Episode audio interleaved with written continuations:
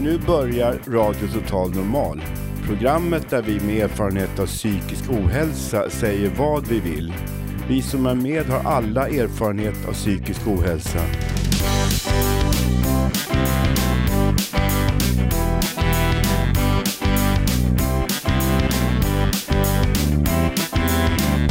Du lyssnar på radio Total Normal.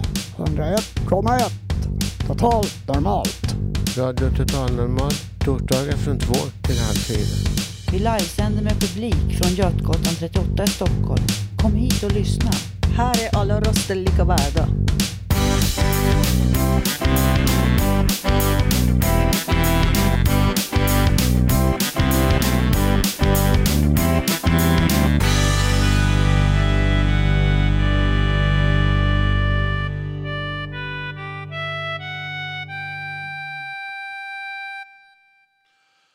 Ja, då är vi igång igen. Radio Total Normal på 101,1 direkt ifrån Fountain House lokaler på Götgatsbacken ute i Stockholm söder om Slussen.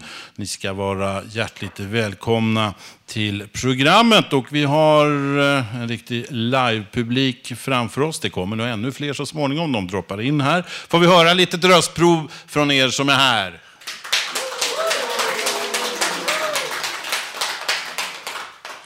Vad trevligt. Idag så ska vi bland annat få höra lite mer om någonting som heter Tjejzonen. Och i övrigt då så blir det lite av varje. Det blir lite recept och det blir schack och det blir både katter och kaniner eh, på djurfronten. Och förstås då massor med gäster som kommer att höras i Radio Total Normal. Och jag, dagens programledare Lars Wilhelmsson, hälsar alla välkomna. Såväl här i lokalen som vid eh, radioapparaterna eller vid era datorer. Och så har vi förstås en massa musik att bjuda på.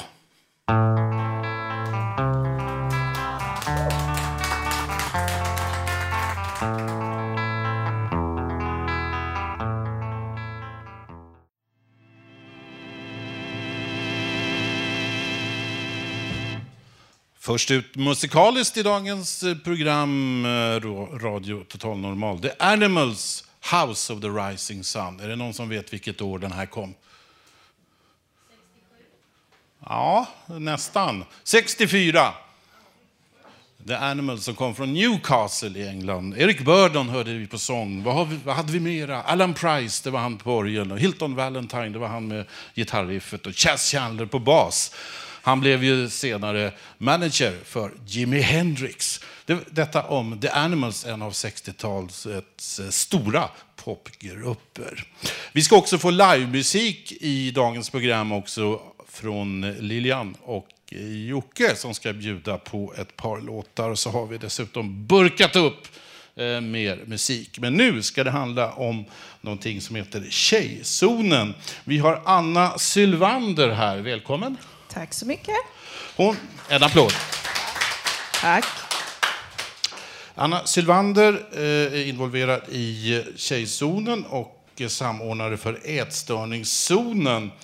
Eh, ja, du kan berätta lite om vad ni har för verksamhet och vad Tjejzonen och Ätstörningszonen är för något. Ja, precis. Alltså Tjejzonen är en ideell organisation för flickor mellan 12 till 25 år. Vi är eh, religiöst obundna, o, vad säger man, partipolitiskt obundna också. Ehm, och ehm, Tjejzonen har funnits sedan 1998. Eh, jag är ju då samordnare för Ätstörningszonen som är en verksamhet i Tjejzonen. Och Ätstörningszonen har funnits ungefär sedan, eller rättare sagt sedan 2007 då vi startade chatten på Ätstörningszonen. Och vår verksamhet är ju framförallt eh, virtuell, alltså att vi finns på internet då. Och eh, finns för de här tjejerna. Och vi jobbar ju då eh, med psykisk ohälsa, alltså tjejer som har psykisk ohälsa. Mm. För vem som helst kontakter? Är det några speciella ålderskrav? Eller? Nej, som sagt, vi, vi vänder oss framförallt till eh, flickor mellan 12 till 25 år, men om man är äldre eller yngre så, så får man naturligtvis kontakta oss också. Det är ju inte så att, att man inte får komma så att säga. Eh, och det finns ju också de som gör det.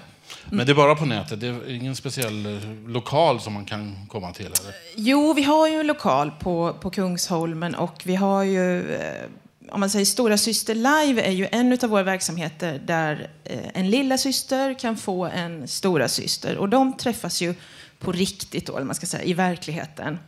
Eh, Medan vi har Stora Syster på nätet när man då chattar. Man har en stora syster och en lilla syster som chattar. Och sen är det då ätstörningszonen som också har en chatt då. Och vi finns på MSN och chattar där. Och sen finns det då även chatten är också en verksamhet eh, som chattar, där man kan gå in via vår hemsida och chatta. Då. Mm. Och då ska man göra reklam för den. Ja, Hur precis. man kommer in på hemsidan. Då får man söka sig vidare till chatten eh, och sen gå in via där. Så vankas det konferens också i Stockholm. Det är flera stycken, men det är någonting Ja. här den 10 november. Torsdagen den 10 november. Precis. Torsdagen den 10 november så har vi konferens om sex som eh, självdestruktivitet. Eh, Och det vi vill göra är ju att, att väcka eh, kunskapen om det här, eller man ska säga uppmärksamma det, att, att det här finns och pågår. Att eh, unga flickor använder sig av sex eh, som ett självskadebeteende helt enkelt för att göra sig själv illa. Hur många når man av alla de som har problem? Det är väl många som man inte når riktigt. Nej, så är det ju naturligtvis. Och eh, vi har ju, ja, på ätstörningszonen så har vi ungefär 70 eh, kontakter per vecka. Eh, och eh, ja, allt som allt tror jag att vi har 10 000 samtal per år på Tjejzonen. Både chatten och i verkligheten så att säga. Så att vi hoppas att vi når ganska många i alla fall. Och vad behövs mer då från samhällets sida att hjälpa de här unga tjejerna? Oj, vilken bra fråga. Ja, du.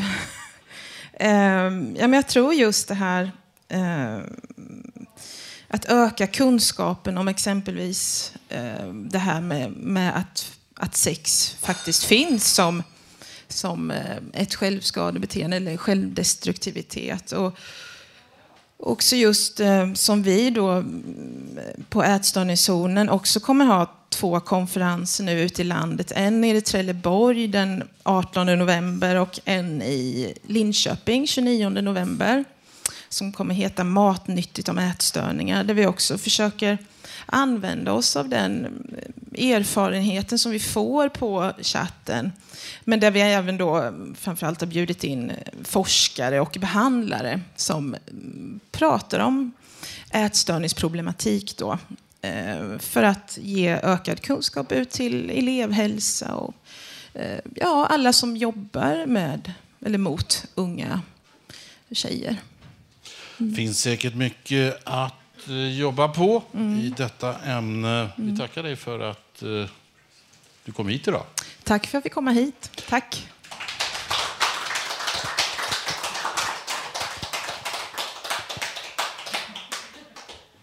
Vi måste vinna tillbaka allt det vi saknat.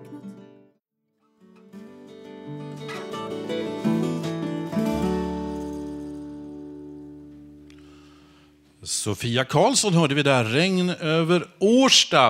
Eh, det duggar väl lite tätt utanför här även i Götgatsbacken.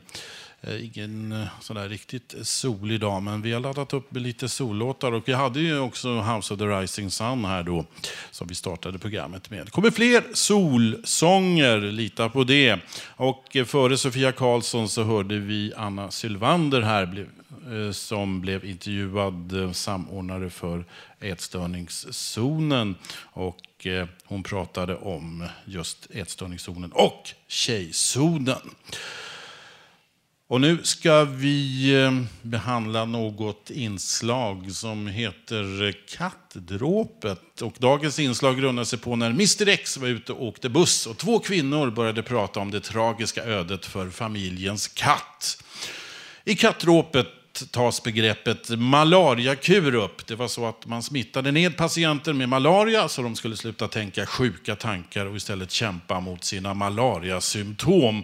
Det är samma princip som man låter en person som skadat handen få ett hammarslag på stortån och då känner man bara den onda tån och inte handen. Allt detta visar hur ovetenskaplig psykiatrisk forskning är. Igår satt jag på bussen och hörde ett par kvinnor konversera. Den ena sa att hennes man hade i mörker och regn råkat köra över familjens katt så illa att den dog. Genast täcktes mina ögon av ljusblixtar och jag tog tillbaka till en annan tid, nämligen till omkring 1990 när de stora mentalsjukhusen stängdes. På den tiden träffade jag en äldre man som var föregångare inom RSMH-rörelsen, nämligen Henry Wandel, som då var i 70-årsåldern. Han hade stora kontakter inom RSMH och var som en mentor för de flesta. Jag kommer nämligen ihåg när han berättade för mig, som inte hade någon längre kännedom om de stora mentalsjukhusen, om hur det var på den tiden när de fanns överallt, i de flesta städer. Då fick jag för första gången höra den förskräckliga historien om Lennart Hebel. När han fortfarande var ett litet barn ska han ha plågat smådjur och dödat en katt. Han kom att anses att inte vara tillräckligt mogen för sin ålder och för lågpresterande för skolans krav. Straffet för dessa omständigheter blev fruktansvärt. Lennart Hebel spärrades in och blev omyndigförklarad och kastrerad. Han fick sitta 17 år på den så kallade stormavdelningen och fick upp mot 300 elchocker. Han fick långbad, sömn och malariakurer. Han sändes in i koma av insulinbehandlingar. Han fick genomlida 40 och 50-talets alla så kallade behandlingar förutom lobotomering. År 1969 kom Lennart in för första gången på, till en RSMH-lokal och råkade fråga RSMH-legenden Helena Frykstrand hur man gör te. Efter detta hjälpte man ut Lennart från sjukhuset. Året 1981 avled den obildbare Lennart Hebel med en bok över ansiktet. Han lärde sig läsa under sina knappt tio år i frihet. Blixtarna framför mina ögon försvann och kvinnan skojade med den andra kvinnan med att säga att det var värre om man själv äger katten. Jag tänkte själv på innebörden och kom fram till att under en annan tid, inte alltför avlägsen, skulle hon kanske skratta sig lycklig om hon själv överlevt, överlevt kattråpet.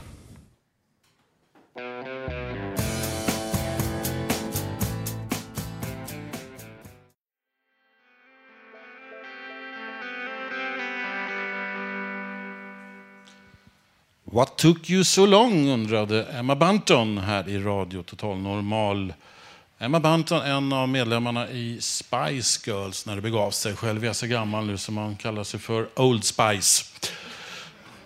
Vi har fått en gäst här, nämligen ingen mindre än Leif GW Persson. En applåd! Ja, tack. Ja, hoppas det går undan här, för jag har lite brått. Ja, brott ja, det är ju precis vad vi ska tala om. Vi har haft kattråpet här och eh, mord och sånt där. Ehm, har du något intressant att komma med i avdelningen brott? Ja, jag har just gått igenom en avhandling om seriemördare. Och det visar sig att 70 procent av alla seriemördare är återfallsförbrytare.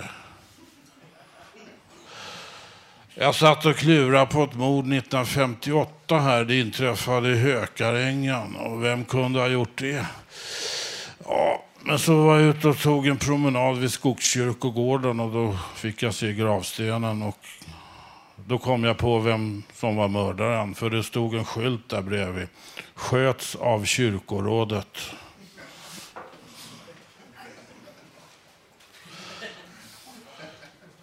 Ja, det var ju väldigt dramatiskt.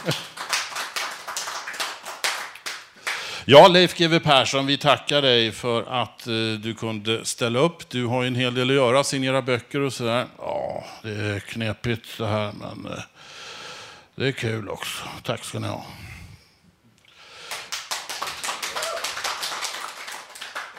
Då går vi över till lite livemusik. Lilian och Jocke är beredda. Varsågoda. Tack så mycket. Och dagen till ära så, så har vi iklätt oss nya t-shirts med vårt bandnamn, Two for you. Vi är jättestolta över det. Det syns tyvärr inte i radio, men det är lite kul. Och vi ska köra en låt som heter The Jody Grind. Och grind betyder en slags röra.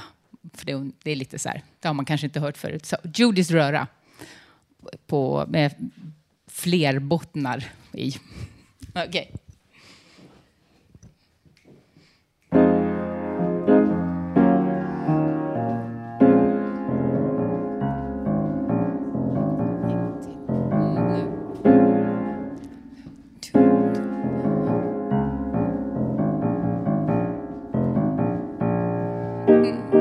If you want a sailor, a soldier or marine.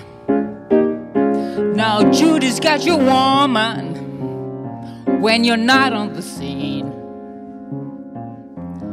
No need to worry and to get all uptight. Judy is treating her good tonight. All you other fellas, just treat your woman right. Cause Judy's got your woman when you're out of sight. No need to worry and to get all uptight. Judy is treating her good tonight.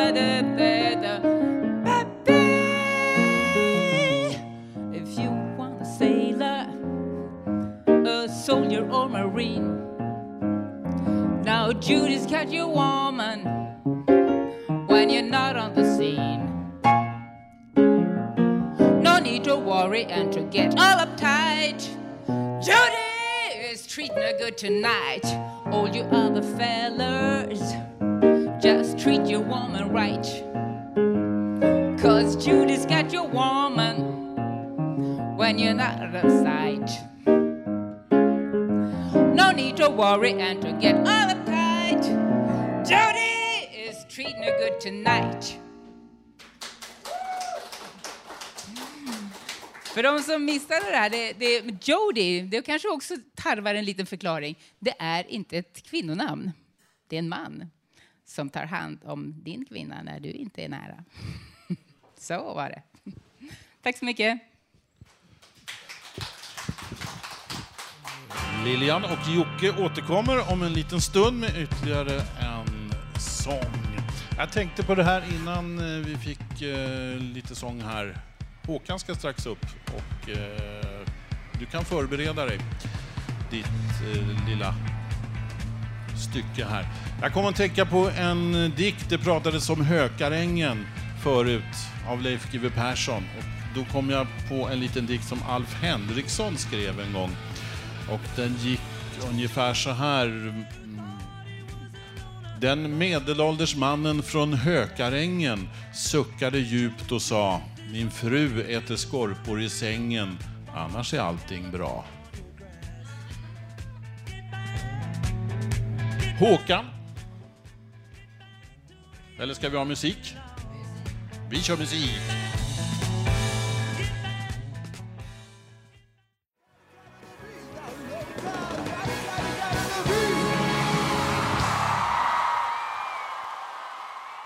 Publikjubel. Det lät nästan som det var från Götgatsbacken, men det var väl förmodligen inte där han var. Ricky Martin hörde vi med eh, Living La Vida Loca och dessförinnan var det Beatles förstås med Get Back. Mycket musik har vi haft nu, men nu ska Håkan inte sjunga, men väl eh, berätta om recept. Vad blir det för mat? Radio Total Normals egen radiokock Håkan Eriksson delar med sig av ett mycket smarrigt mattips. Mums filibabba. Mm. Det är gott. Eh, lite, lite mer salt. Ja, det, det smakar lite citron. Mm, vad gott. Dagens kort på Radio Total Normal.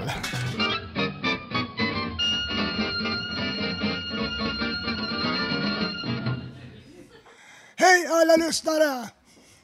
Låten ni hörde med Rick Martin, den tillägnar jag alla er som har varit här och underhållit oss här på Radio Total Normal. Men nu till de här matrecepten. I vanliga fall så brukar jag leverera ett matrecept. Men idag så kommer jag leverera två stycken eh, recept som en kan äta både till middag och till lunch. Det första är pasta med köttbullar. Koka pastasnäckor, mjuka som vanligt. Tillsätt soppgrönsaker och smaka av med en valfri tärning buljong. Och bryn köttbullarna. Häll av spadet i en sil i en kastrull och ha lite krossad tomat i och mixa den slät. Det var recept ett. Det andra är spenatfisk. Och det, då kokar man upp spenat i en valfri tärning, grönsaks... Ja, tärning med... Eh, ja. ja, det blev lite trassel när det blev mycket dålig med koncentrationen just när kameror går och... Ja, det är sånt som händer. Men spenat, fisk. Då kokar ni upp spenat och gör den så som ni brukar vilja ha den. Så panerar ni valfri fast fisk och bryner den runt om. Och kokar potatis om ni vill ha det. Och ett tips, om den är ovanligt stor så dela gärna potatisen i fyra delar, för då får du mindre koktid. Eller också kan ni ta vanlig potatis, bara tärna den också, hur ni vill. Det är upp till er. Och vi har så spenaten som ni vill ha över istället för i potatismoset så är det valfritt. Lycka till! Och nästa vecka, då kommer jag tillbaks. Men vad det blir då, det får ni höra på 101,1 mellan 14 och 15.30. Så tack för mig för denna gång.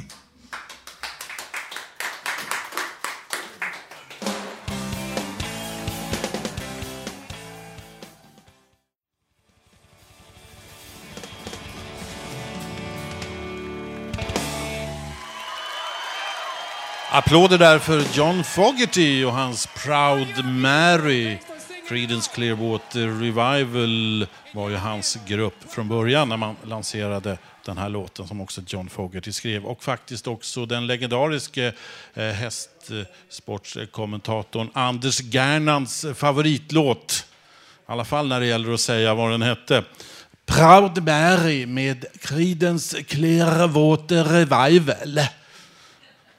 Fyra fel. Rolling on a river. Aj, aj, aj. Nu ska Miriam från ungredaktionen läsa en dikt om det allra innersta fängelset. Själen är en fånge i sin kropp. När själen vill spegla sig utåt hindrar fängelsets ogenomträngbara galler själen att släppa ut ljus. Själens ljus reflekteras tillbaka till gallret, tillbaka till fängelset, tillbaka till hålan. Hålan där själen är fången, i kroppen. Hur länge ska själen sitta i fängelset?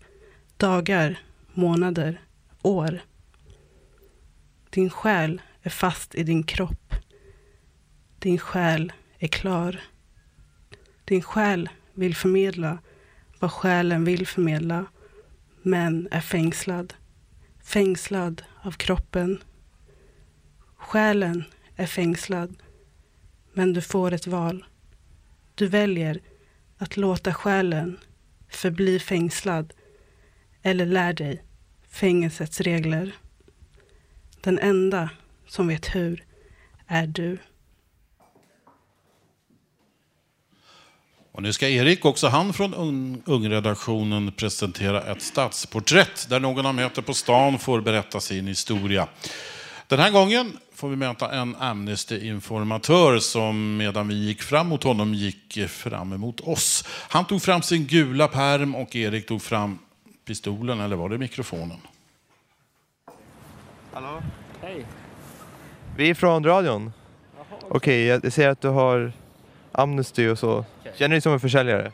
Nej, jag känner mig mer som en värvare alltså. Jag har ju ingen provision eller någonting så det är inte samma press på att man ska sälja, eller sälja, det är ju inte säljning man gör. Jag försöker värva folk om de vill liksom gå med och ge en 20 eller ge ett 500 spänn. Det är, jag är glad vilket som liksom. Så du, du får ingen provision alltså? Jag trodde det faktiskt. Nej, vi på Amnesty får fast timlön. Vi har bara krav på ja, hur mycket, att man ska värva ett visst antal per vecka så att säga för att få nytt kontrakt. Kontrakt? Ja, alltså vi, man jobbar efter månadskontrakt så ja, efter, eh, vad heter det? Ja, om man inte klarar sin kvot efter en månad får man inget nytt kontrakt. Vad är kvoten? Vad sa du? Vad, vad är kvoten? Uh, vad ligger den på? Typ 20 i veckan tror jag. Är det mycket eller lite? Alltså, är man bra så klarar man det ju liksom. Det är inte så att man måste slita ihjäl sig för fyra per dag. Okej, är, är du bra då? Uh, jag vet inte, den här månaden har det inte gått så bra. Det är min första månad också så ja, jag vet inte om jag får kontrakt. Det beror på hur den här veckan går. Hur många har du fått då? Alltså, jag vet inte om jag vill säga det faktiskt. Okej. Riktigt. Det kanske inte räcker för kontraktet alltså? Ja, alltså det kanske inte räcker eller så räcker det. Räcker det så är det nice liksom. De är inte hundraprocentigt hårda på det liksom. De märker att man ändå liksom jobbar på liksom. De är ganska schyssta alltså. Det är inte som så här, det är inte så här säljarkultur eller? Nej, absolut inte. Det är, det är ju liksom inget av det där liksom att de hänger ut folk som är dåliga eller något sånt där. Utan det är ju det är väldigt bra stämning. Alla är trevliga, chefen är väldigt trevlig. Det är väldigt schysst liksom. Så. Hur, hur känner du när du ser folk som säljer telefoner precis bredvid? Alltså, jag gillar ju inte telefonförsäljning. Det är väldigt pushigt liksom. De släpper inte. Vi jobbar ju faktiskt efter ett regelverk vart det är så att säger någon ett rakt nej till oss, då får vi inte pusha på mer liksom. Då ska vi släppa den. Och det tycker jag att det är jävligt bra för då blir det klart hur långt man får gå liksom. Och det tycker jag att de inte riktigt har någon ställning för. Då är det ju, om man väl låter dem stanna än, då kommer man ju inte därifrån. För, känns det jobbigt när, om de är där också, så går du fram till folk och säger hej jag är Amnesty och så kommer någon efter och hej jag är... Grejen är den att vi står ju aldrig på samma ställen. De står ju i gallerier och sånt där. Vi står aldrig där för vi vill inte lägga pengar, alltså betala för att få stå på ett ställe. Då står vi hellre ute och värvar oavsett väder. För de står där uppe på Götgatan där, på kullen där och en hel drös med folk. Gör det nu? Jag, jag la faktiskt inte märke till dem, men de brukar oftast inte vara på med en heller när man har uniformen eller vad. Nej just det. Inte mig heller. De tar folk som är bättre offer och sådär. De tar... Men hur, hur kom det sig att du kom med i Amnesty? Alltså jag, var ju, jag blev ju värvad på gatan för typ fyra år sedan eller någonting, så fort jag fyllt 18 i princip. Och så jag gick med, jag har alltid tyckt att människorättsfrågor är något av det viktigaste som finns liksom. Så då gick jag med och sen när jag bara sökte jobb på Arbetsförmedlingen såg jag att de behövde värvare och först tänkte jag nej, men jag vill inte jobba för provision, jag, det, det känns ändå inte som min grej. Sen när jag såg att det var fast lön och allt det där så kände jag att ja, men då funkar det nog liksom. Då, då lär det inte vara så himla pushigt. Det kan ju vara, alltså jag vet att Röda Korset i alla fall förut, eller om det var Rädda Barnen, de hade ju 100% provision. Och då blir det ju en annan, så att säga, mentalitet i om man, hur man ska värva och så vidare. Så det är väl det jag känner att är viktigt. Så om man får bort, alltså bygger man ett samhälle vart man bygger bort girighetstänket så beter sig folk inte girigt helt enkelt. Så att säga. Och det är samma sak när det gäller ett jobb. Om man, bygger, om man utformar det så att man ska vara girig och pushig så blir folk giriga och pushiga oavsett hur de är annars liksom. Men gör ni det här frivilligt eller? Ja, jag, jag får ingen provision. Jag, får, jag, jag har provkontrakt däremot. Men... Okej. Nej. Nej. Ja, ja, men det var kul att prata med er. Jag måste tyvärr... Ja, just det. Okej, hej då.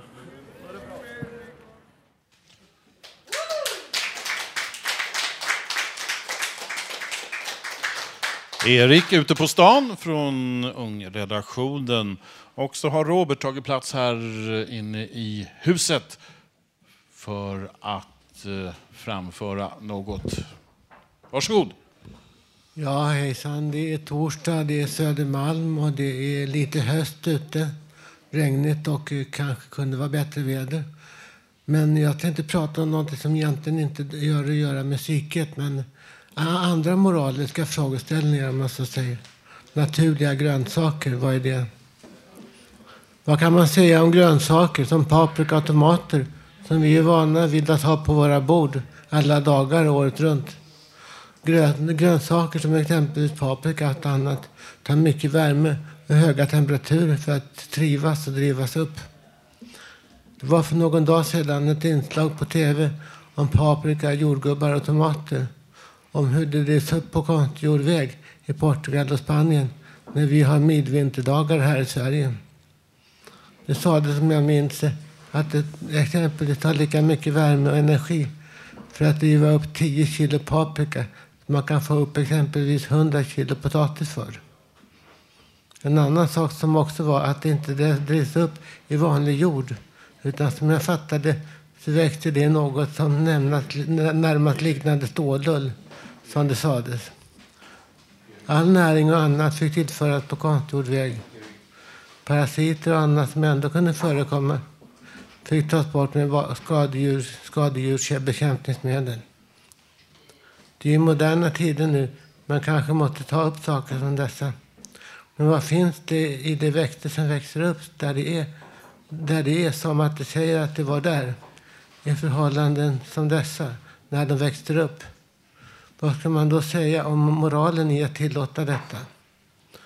Frukterna och grönsakerna som växte upp under dessa förhållanden var det dåligt med vitaminer i naturligtvis. Och det var mer vatten i det än i andra normala grönsaker. Vilket man enkelt kunde märka.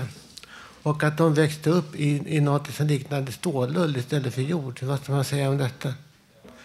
Vad kan man annars också få i sig i avseende av det skadedjurets bekämpningsmedel som användes för att hålla liv i växterna? För att det skulle kunna leva i den miljö som det var frågan om. Det minns inte jag vad du sade om. Ni förstår säkert lika väl som jag att det inte kan vara naturligt för grönsaker att växa upp så. Det kan bli mutationer på växterna, det är frågan om. Och annars är det inte heller naturligt för tomater och paprika att växa upp under sådana förhållanden som det var frågan om där. Hur det annars kan påverka människan, det vet ju inte jag. Men vad man vet, det är ju att det inte är naturliga förhållanden som växter måste ha för att kunna växa upp vinter, höst och vår för att det ska fungera. Det är en strikt konstgjord miljö med växthus och andra konstgjorda nödvändigheter som förutsättningar för att det ska fungera. Det är inte naturligt att grönsaker och frukter ska växa upp under miljöer och temperaturer utanför växthusen som det är under de få vintermånader som avses. Kan vi verkligen inte klara oss utan exempelvis jordgubbar och annat under de få vinterveckor eller månader som det gäller? När man då måste driva upp det under så konstgjorda förhållanden som fordras. Alltså, alltså som då blir nödvändiga. Vi vet ju inte heller sedan vilka konsekvenserna blir för människan och som det är resultat av hur man måste göra för att det är grönsaker och frukter som det gäller och som på naturlig väg inte kan växa upp annars under de veckor och månader det är fråga om. Tänk nu på detta och tänk på vad vi ska ställa för krav på våra befattningshavare när det gäller detta. Tack för mig, Robert Naversten.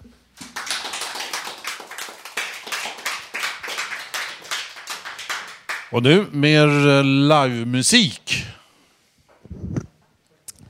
Ja, Då är det Lilian och Jocke som är tillbaka igen. Two for you. Tänkte köra en Stevie Wonder-låt. You're the sunshine of my life.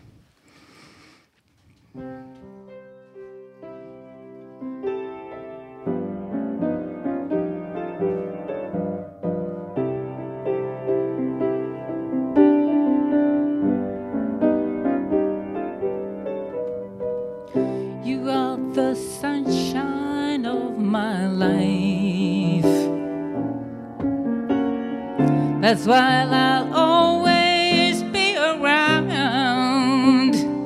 Mhm. You are the apple of my eye.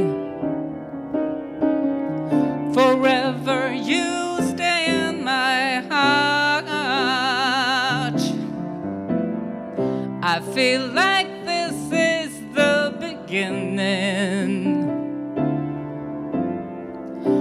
I loved you for a million years.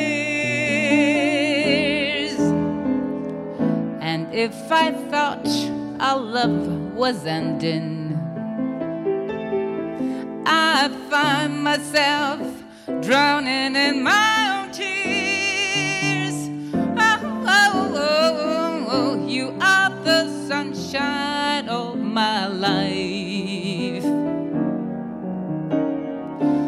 That's why I always stay around. You are the apple of my eye. Forever you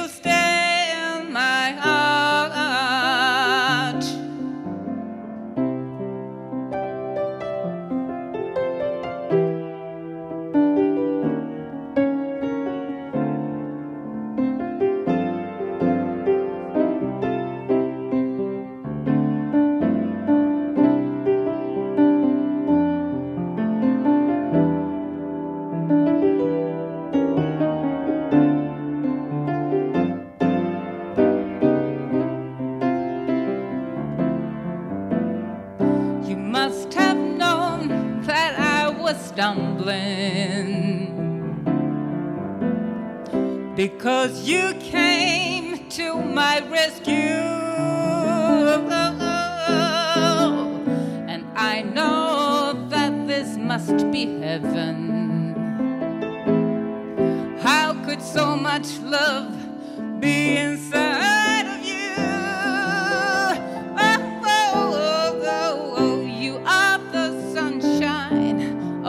my life.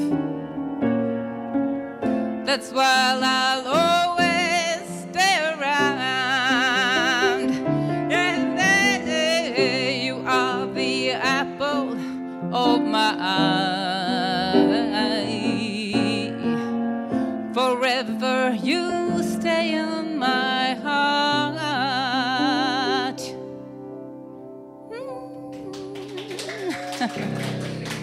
Tack så mycket, Joakim.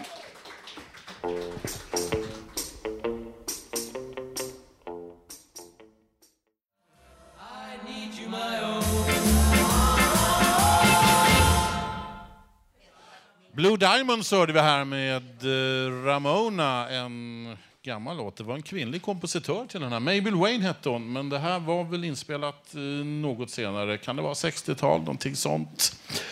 Nu har vi fått en gäst hit, nämligen direkt från eh, Göteborg. Vi ska snacka lite fotboll här nu. Glenn Hysén, en applåd!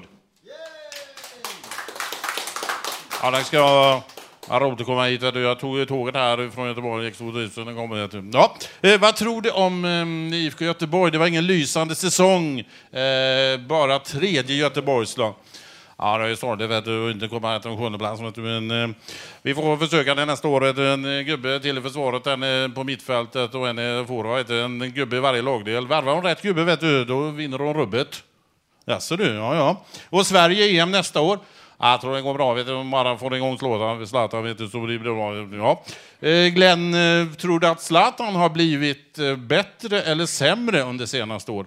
Ja, på den frågan vet du, skulle jag vilja svara ett obetingat ja. Ja, vi tackar Glenn Hysén för det. Och nu Hasse Kvinto som ska tala om kaniner minsann. Ja.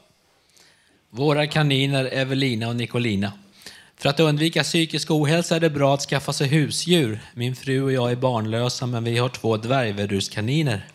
De heter Evelina och Nicolina och är tre och ett halvt år gamla.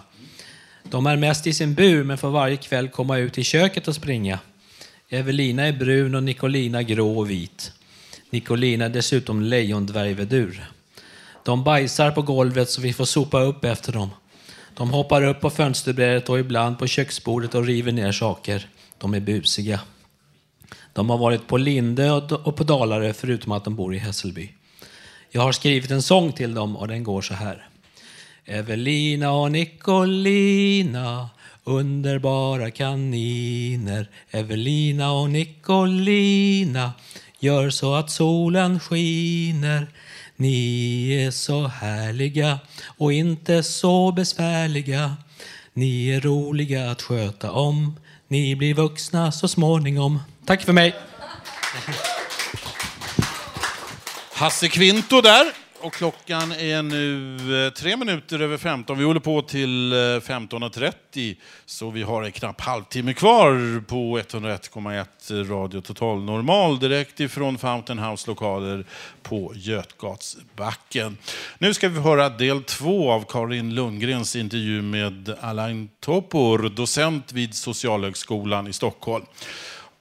Och schizofreni det är ett tillstånd omgivet av många fördomar. Många återhämtar sig dock från diagnosen, men inte alltid av samma orsak. Eh, en återhämtning, hur ser, en, hur ser faserna ut i en återhämtningsprocess? Ja, det, är en, det är en oerhört viktig fråga och det ser olika ut. Människor är oerhört olika. Människor börjar må dåligt på många olika sätt av många olika anledningar och börjar må bättre på många olika sätt av många olika anledningar. Och där tror jag det krävs en mycket stor ödmjukhet, både av oss som jobbar som professionella inom vården, men brukare sinsemellan. Att man respekterar varandras väg. Man kan dela erfarenhet, men man kan aldrig påtvinga sina erfarenheter någon annan. Så jag tror att det viktigaste är att hjälpa varandra att berätta historien som man har, ens egen livshistoria. Och genom att berätta den och bli hörd och respekterad för sin egen livshistoria, ja då bör man få ihop saker och man ser vilken väg man har gått. Både när det går sämre, men också när det går bättre. Mm. Psykoterapi, eh, vad spelar det en roll i återhämtningen? Psykoterapi kan spela en roll och alla former av psykoterapi kan spela en roll. Både det som kallas för kognitiv beteendeterapi och det som kallas för psykodynamisk terapi till exempel och andra former. Det tror jag kan spela en roll. Så det, det är en väg, men det är inte den enda vägen. Är det viktigt för en person att ha en, en, förklaring, eh, en förklaring till sin sjukdom? Jag tror det. Jag tror det utifrån de intervjuer jag har gjort. Det som jag tror kan vara provocerande det är att, exakt som du säger, det är viktigt att man har en förklaring. Men vilken förklaring det är, är kanske inte så viktigt. I den bemärkelsen att vissa människor kan ha just en psykoterapeutisk förklaring. Att jag mår dåligt beror på att jag uh, har haft en mycket svår uppväxt. Och då utifrån det så kanske man går i psykoterapi och får hjälp att bearbeta sin uppväxt och bli bättre. Andra kan ha en förklaringsmodell som är mycket mer medicinskt. Jag mår dåligt för min hjärna inte fungerar på rätt sätt, alltså måste jag äta mina mediciner. Och då äter man sina mediciner och man mår bättre. Beror det på mediciner? Kanske det. Beror det på också att man har en förklaring som hjälper en att få ett sammanhang i sitt liv? Kanske det. Jag tror att vi människor allihopa behöver sammanhang i våra liv. Behöver få ihop våra liv, vår livshistoria. Och så vitt jag har förstått så kan ofta svåra psykiska problem vara ett sammanbrott i detta. Alltså, man, man, man hoppas alltid att livet ska vara på ett visst sätt. Och så drabbas man av någonting mer eller mindre förklarligt. Och livet blir inte som det var tänkt. Och tror alla människor känner för alla människor har råkat ut för det på ett eller annat sätt, så behöver man en förklaring. Man behöver liksom ha någonting som stämmer för en själv. Finns det faktorer i samhället som motverkar återhämtning? Jag skulle vilja nämna en faktor, för jag är ganska upptagen av det. Och det handlar om fattigdom. Fattigdomen som finns idag bland många människor som har allvarliga psykiska problem är ett mycket stort hinder för återhämtning. Jag menar inte att det är så enkelt att pengar är lyckan. Så enkelt är det inte. Det finns människor som har mycket pengar som mår väldigt dåligt. Men generellt sett, dels mår man dåligt att inte ha pengar, dels förhindrar det ens återhämtning. Enkelt, varför det? Jo, har man inte pengar, då kan man inte gå ut på stan och vara en del av stan, en del av samhället. Därför allt kostar pengar när man är ute. Är man på en arbetsplats, säg att man lyckas komma ut på en arbetsplats som många säger att man ska göra. Och arbetskamraterna säger att vi tar en öl efter jobbet. Och man har inte de pengarna, för man går fortfarande på låg ersättningsnivå liksom under rehabilitering. Jaha, då ska man hitta på, nej men jag tycker inte om öl. Eller jag kan... Och då hamnar man helt utanför istället för att vara innanför.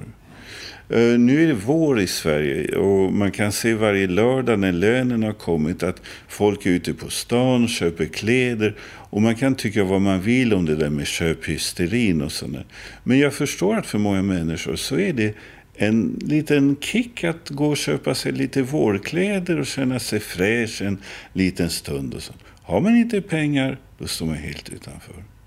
Jag verkligen rekommenderar de som jobbar inom vården och som har pengar för de har lön att gå ut en lördagkväll just när man har fått, när alla andra har fått lön, eller när man själv har, och inte har någon krona på fickan och försöka vara ute på stan från 10 till 16 och upptäcka vad kan man göra? Sitta på en parkbänk? Ja, det kan man göra. Det är väldigt trevligt en stund.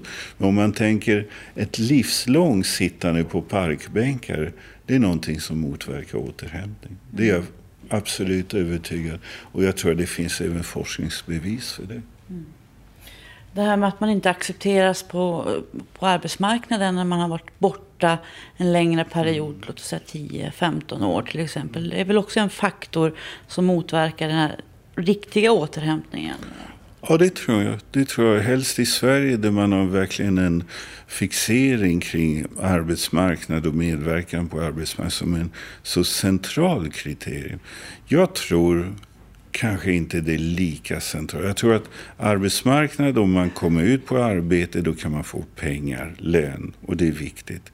Men jag tror att många människor som har varit utanför arbetsmarknaden, när de ska komma tillbaka, de får ofta jobb som är osäkra, alltså korttidsanställningar.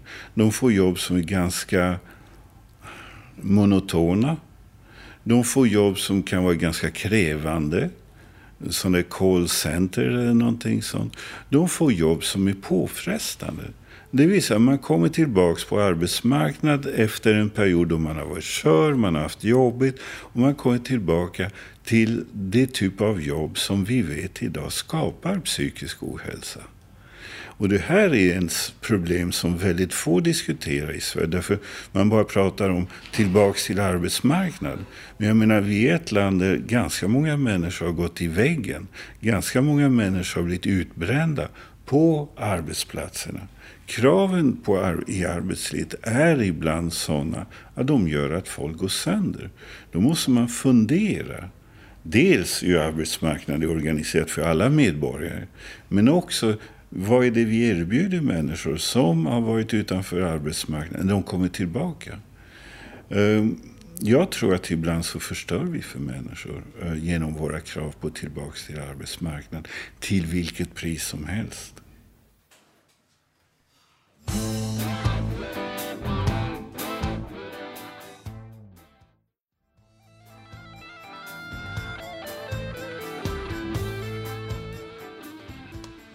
Ted Gärdestad i Radio Total Normal med Ge en sol. En av många sollåtar som vi har haft denna dag.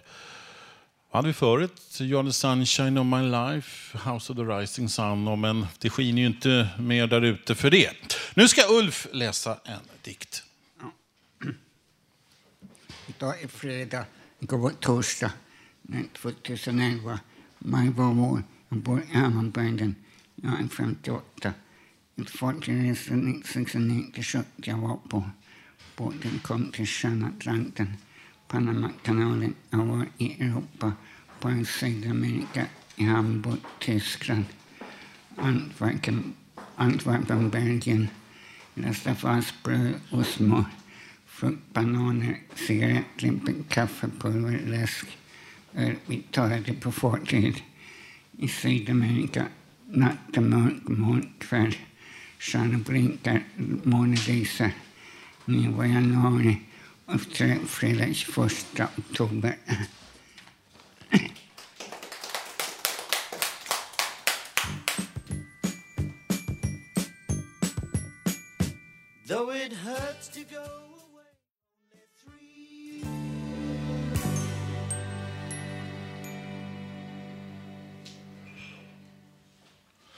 Efter Ulf så hörde vi en gammal Eurovisionsschlagervinnare. Save your kisses for me, Brotherhood of Man. Det var väl 1976 som den vann, året då Sverige inte var med efter eh, det egna arrangemanget 75, Nasse Berghagen, Jenny Jenny. Och det var väl Älvsjömässan de höll till och sen hade de inte råd året efter. Så var det. Och nu har vi fått besök ytterligare en göteborgare. Sven Volter, välkommen! Tackar Sveriges sexigaste man äntligen här på besök. Sexigaste man och en riktig vänsterman också. Jajamensan, jag har fortfarande inte kommit över att Sverige gick över till högertrafik. Ja, vi hade Lars Ohly här, eh, vänsterledaren, eh, för några veckor sedan. Lars Ohly, det är ju rena moderatpropagandan. Men det är kul att komma hit till Stockholm, även om jag tillbringar helst min tid i Göteborg, Sveriges framsida. Ja, Sveriges framsida kallar ni Göteborg för och ändå har ni ett fotbollslag som heter Häcken. Ja, det kan vara roliga här i Stockholm också, känner jag. Ja, vi, där vi, vi drar lite Göteborgsvitsar också. Vi kan vara väldigt humoristiska här. Vi kallar er för Kolle och Ada när vi snackar om er göteborgare. Men jag alltid undrar, vad kallar ni oss för? Vi talar aldrig om er. Tack för det, Sven Wollter. Och nu ska Peter eh, prata schack. Välkommen. Tack. Tänkte prata lite om, jag heter Peter Selin, så jag har varit med i schackklubben Rokaden. De eh, flyttade in i Högdalen i början på 60-talet, ABF-huset där i Högdalen och spelade på fredagkvällar. Och eh, mm, klubbmästare i många på 60-talet var en dominans av Kurt Savegren och Sambart Kron, två veteraner. De är väldigt gamla, de är över 80 båda två, men de lever fortfarande. Och sen var det en som hette Yngve Pettersson, han tog hand om oss juniorer. Det var eh, lovande junior Lars Tyberg, Dan Olofsson, Mats Sjöberg, Roland Ekström. Roland Ekström vann tusenmannaschack i 72. Och Mats Sjöberg, han är också väldigt lovande. Han har varit uppe i Sverigemästargruppen 95 i Borlänge tror jag. Han kom på sjunde plats av 14 deltagare i högsta gruppen. Han var 95 rankad på 12 plats i Sverige. Han är internationell mästare. Och sen, eh, jag minns att vi var i Göteborg 75. Och eh, vi sov åtta stycken i ett rum. Två sov i sängen, två på golvet. En i badkaret, en på toaletten och en i städskrubben. Och eh, sen Roland Ekström, han hade tagit tio starköl. Vi var på Liseberg. Och så bar vi hem honom sex stycken. Och nästa dag besegrar han Konstante Kaisauri. Han är internationell mästare. Och eh, Roland Ekström, eh, han kom aldrig med i landslaget. För det var landslagskaptenen, han hette Bengt Hammar. Och han fick reda på det här att Ekström kröka i Göteborg. Han gillade inte det, han ville inte ha honom där. Och sen Yngve Pettersson, han eh, bodde i Rågsved. Han dog på 80-talet. Han tog hand om oss juniorer och skjutsade oss till lagmatcher och så. Och Rokaden har väldigt många lovande juniorer. De hade i början på året 1500 medlemmar. Och de eh, eh, höll till i Högdalen från början på 60-talet till 92. Och 92 flyttade de till Hägerstensåsens medborgarhus. Och de har en från Ukraina som heter Vasilij Ivanchuk. Han är väldigt bra. Och sen har de en som heter Peter Heine Nielsen. Han är dansk och tysk. Han är proffs i, ty- i tyska ligan. Sen har de en som heter Erik Lobron från Tyskland. De har flera Sverigemästare i första lag i rokaden. Men de lyckades inte så bra i SM-slutspelet eh, sist i våras. Det gick i Västerås, SM-sammandraget. De kom trea efter eh, Team Viking och Lund vann tror jag före Team Viking och Rokaden kom trea. Vad ska man säga mer? Ja, jag, jag har varit med 42 år i Rokaden. Och jag gick igenom alla klasser i klubben. Jag gick med när jag var 11 år. Jag är uppvuxen i Rågsved. Och jag gick, jag gick i mellanstadiet i femte, sjätte klass. Och gick med i Rokaden när jag var 11. Så gick jag igenom alla klasser i klubben upp till mästarklassen. Och lyckades vinna junior-SM 77 i Göteborg. Det var på Liseberg under påsken. Och det var Christer Hartman med. Och eh, vi åkte ner dit, Christer Hartman och jag. Och det var, jag kom på delad plats med fem andra, men jag hade bättre kvalitetspoäng. Och jag satsade tre timmar på schack sista året i gymnasiet. Jag hade fem schacktidskrifter. Mina föräldrar är från Lettland. Och jag hade, jag, lettiska är mitt andra modersmål. Och jag hade en schacktidskrift från Lettland. Och jag, sen läste jag ryska på gymnasiet. Så jag hade... Jag hade en schacktidskrift från Moskva, 64. Och två svenska schacktidskrifter och en från England. British Chess Magazine. Ja, du får tacka för mig. Det var...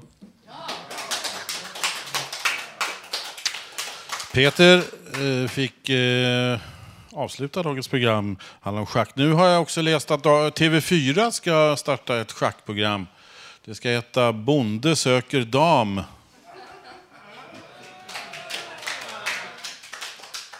Sen måste jag då avslutningsvis då berätta, det har ju varit mycket om det här med datorintrång och bland journalister och sånt och eh, de har ju fått sina lösenord hackade. Och då kan jag rekommendera det allra bästa lösenordet. Det är nämligen stuvad spenat, för den kan nämligen inte bli hackad. Nu är det väl dags att avrunda dagens sändning. Radio Total Normal, torsdag 27 oktober. Vi har fått höra en massa Eh, livemusik och musik på platta, poesi och Tjejzonen och schack och allt möjligt och en massa personliga och intressanta texter som vi ska ta åt oss. Nästa torsdag, då sänder vi som vanligt igen klockan 14 med publik här från Fountain House, Götgatan 38. Och du kan ju naturligtvis lyssna när du vill på oss på webben www.radiototalnormal.se kan också skriva i gästboken, komma med förslag och gå in på vår Facebook-sida och titta på bilder. Dagens tekniker Gustav Sondén, producent Melinda Vrede, producent för Ungredaktionen Emma Lundenmark och projektledare Bodil Lundmark. Och det som har valt musiken det är dels Håkan Eriksson och undertecknad Lars Wilhelmsson som också har varit programledare. Tack för idag. Vi avslutar med lite fransk musik. 60-talet kommer återigen med François Hardy. Tack för oss.